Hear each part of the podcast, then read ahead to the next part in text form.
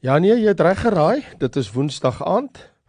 Ek is Raymond Lombard want ja, ons is by Fokus op die Woord en in hierdie program is dit wat ons doen.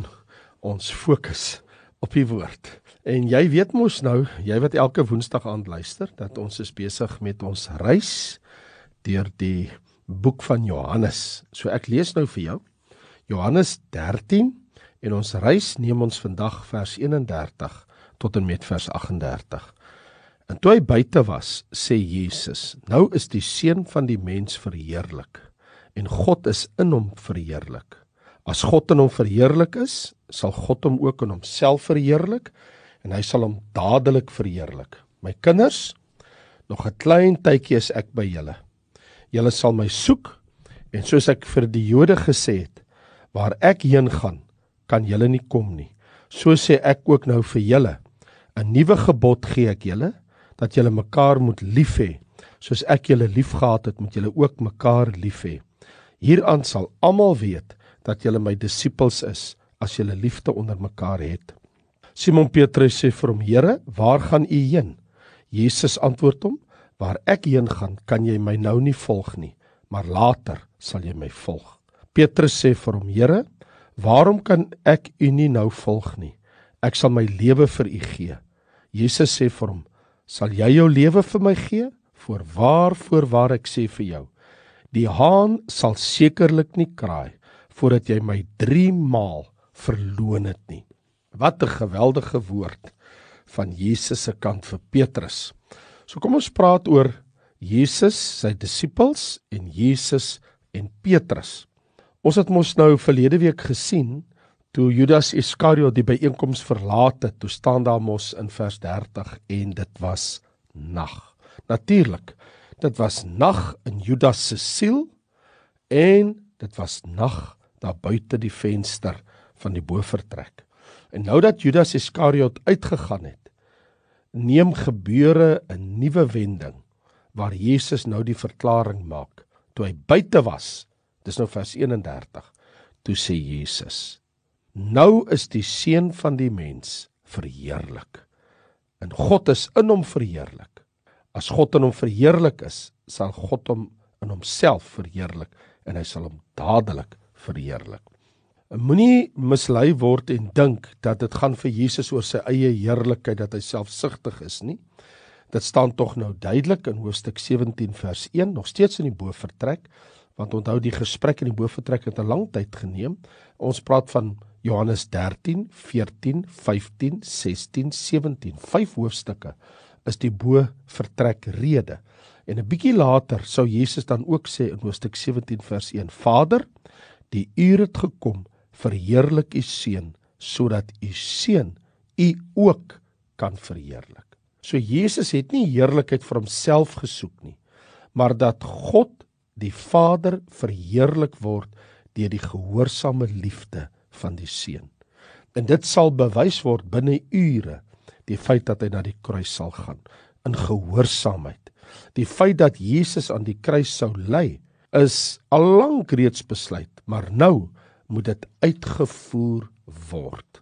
So nou lees ons in vers 32 daar in Johannes hoofstuk 13 waar Jesus baie duidelik sê as God in hom verheerlik is, sal hy in hom verheerlik word.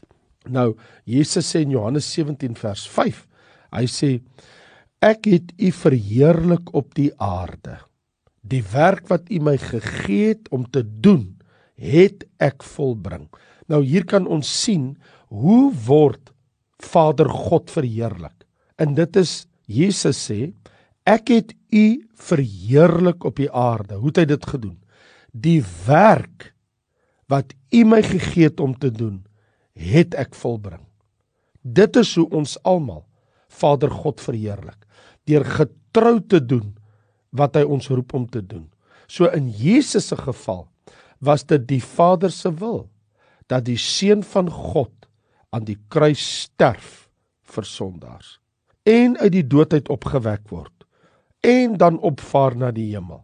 En daardeur het Vader God sy seun verheerlik. Verheerlik u seun. In ander woorde, deur die kruisdood sal daar heerlikheid kom. So daar kom 'n tyd wanneer die seun van die mens in sy disippels verheerlik sal word Maar dit kan nie nou gebeur nie, eers later. Want in Johannes 21 is dit mos nou duidelik. Daar in vers 18 en 19 waar Jesus sê vir Petrus: "Voorwaar ek sê vir jou toe jy jonger was, het jy jouself gegord en rondgegaan waar jy wou." Maar wanneer jy oud geword het, sal jy jou hande uitsteek en 'n ander een sal jou gord en jou bring waar jy nie wil wees nie. En dit het hy gesê om aan te dui deur hoe danige dood hy God sou verheerlik. En toe hy dit gespreek het, sê hy vir hom: "Volg my." So hier is waar ons is. Baie baie duidelik kan ons nou hier sien in die woord van die Here, want Jesus weet dit dat juis hy gaan eendag aan sy disippels verheerlik word maar hy gaan ook in sy Vader verheerlik word en gaan alles oor die heerlikheid van sy Vader. So wetende dat sy heerlikheid in die dood binne ure gaan plaasvind, vertel Jesus nou vir sy disippels, hulle kan hom nie volg nie. Dis nou wat in vers 33 gebeur. Hy sê waar ek heen gaan, kan julle nie kom nie. Hy sê ek het dit mos voorheen vir die Jode gesê, maar nou sê ek vir julle my disippels.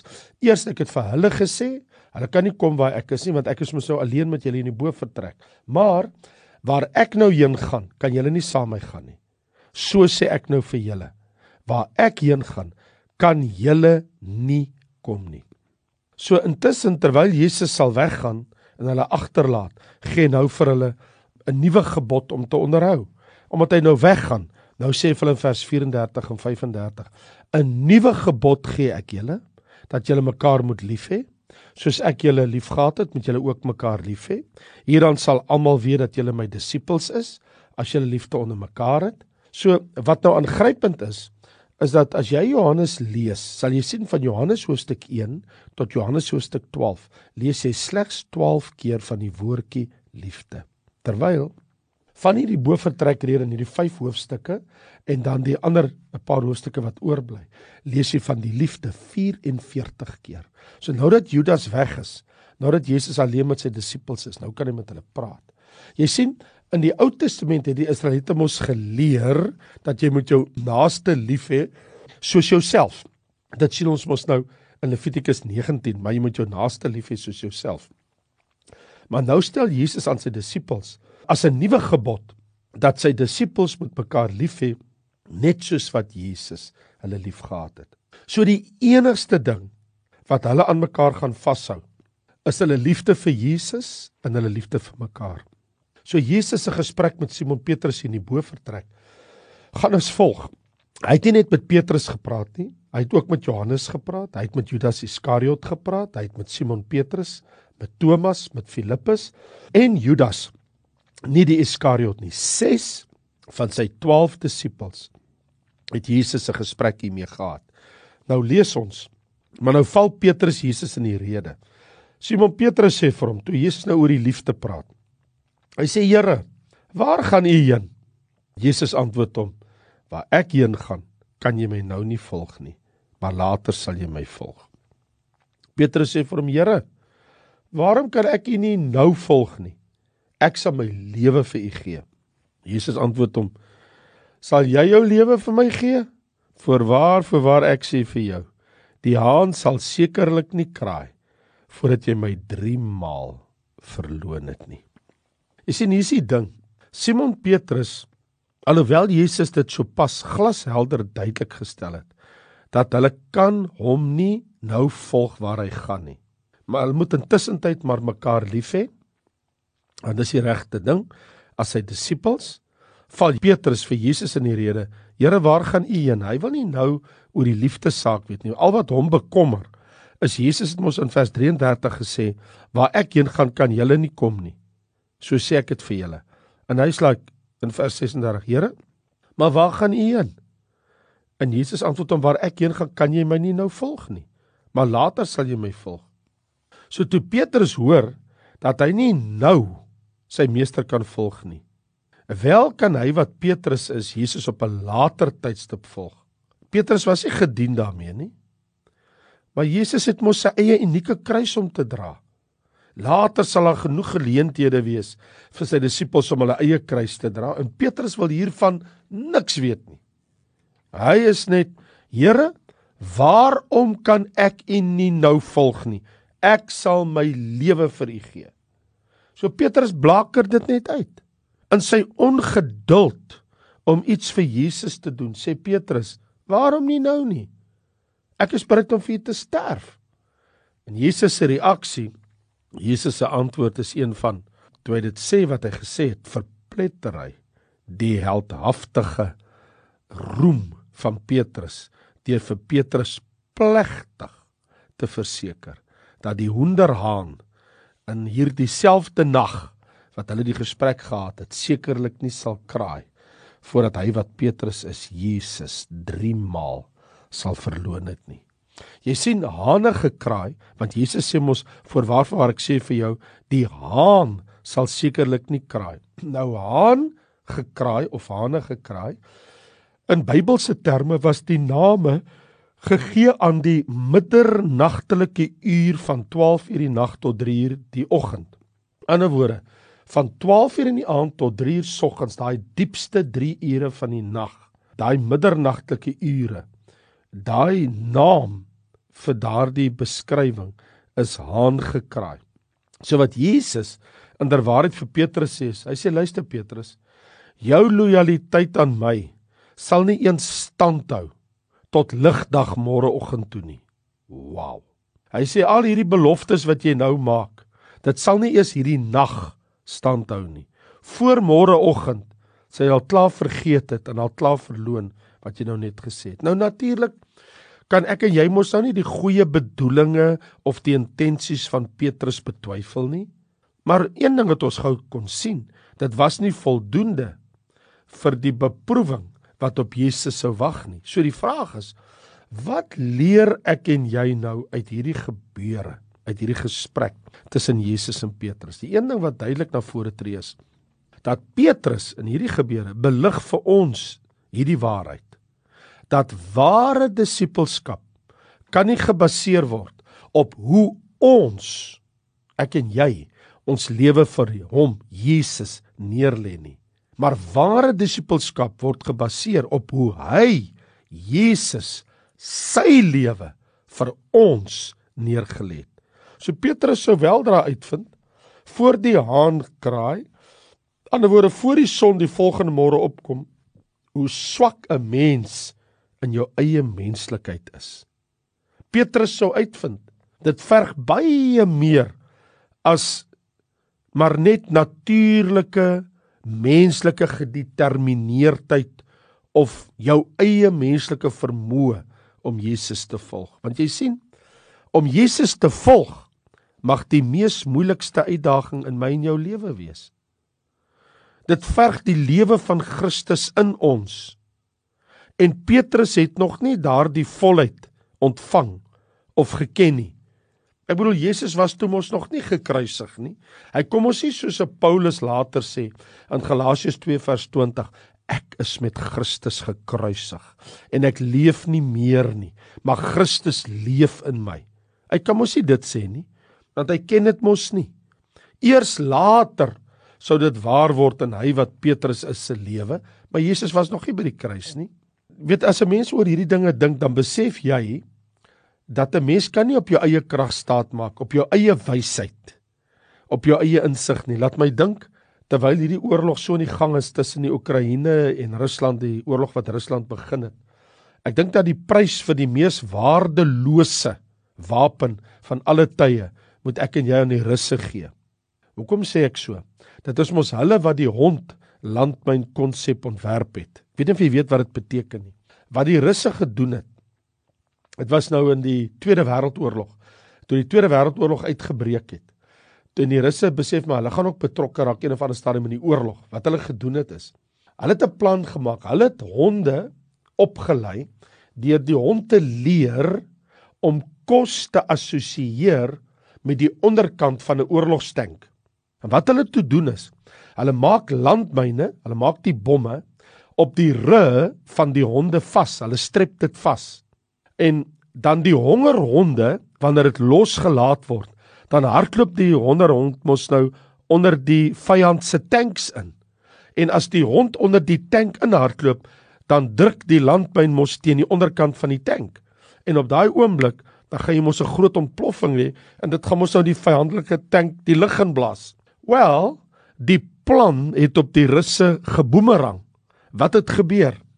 Toe dag toe die plan in werking gestel is. Op daai eerste dag toe die russe betrokke geraak het in die Tweede Wêreldoorlog, is daai plan op die tweede dag laat vaar. Hulle het net vir een dag gedoen onmiddellik gestop. Weet jy hoekom? Die rede is die honde met die landmyne op hulle rug het kos geassosieer met die Russiese tanks. Hulle het onder hulle tanks ingehardloop, nie die vyand nie, en toe blaas hulle al hulle tanks in die lug op. Jou plan kan soms op jouself boemerang. Petrus se plan, ek sal Jesus volg met my eie krag. Ek is sterk, ek sal dit doen. Jy sien, en vir daai rede die Russe tot op daai tyd die grootste prys gekry vir die stupidste uitvinding ooit. Maar hier's waar ek en Petrus is. Petrus sou weldra uitvind sy plan om Jesus te volg in die donker nag. Al die pad toe hy Jesus volg daar na Kajafas se paleis, paar uur na hierdie gesprek, letterlik 'n paar uur na hierdie gesprek, enkele ure. Toe hulle daar instap in in Petrus ver agter hy Johannes toegang kry met 'n diensmeisie wat die hek oopmaak. Nou staan hulle aan die donker, maak hulle warm by 'n vuurtjie. Hy het mos nie geluister nie. Jesus het vir hom gesê voor al die disippels: Petrus moet my nie nou volg nie. Moenie agter my aankom nie. Wat het Petrus nie verstaan nie? Hy het besluit toe hulle sy meester gevangene neem in die tuin van Getsemane, ek gaan hom volg. Hy kon nie by hom stap nie want dan sou die soldate hom gegryp het, maar ver af het hy hom gevolg.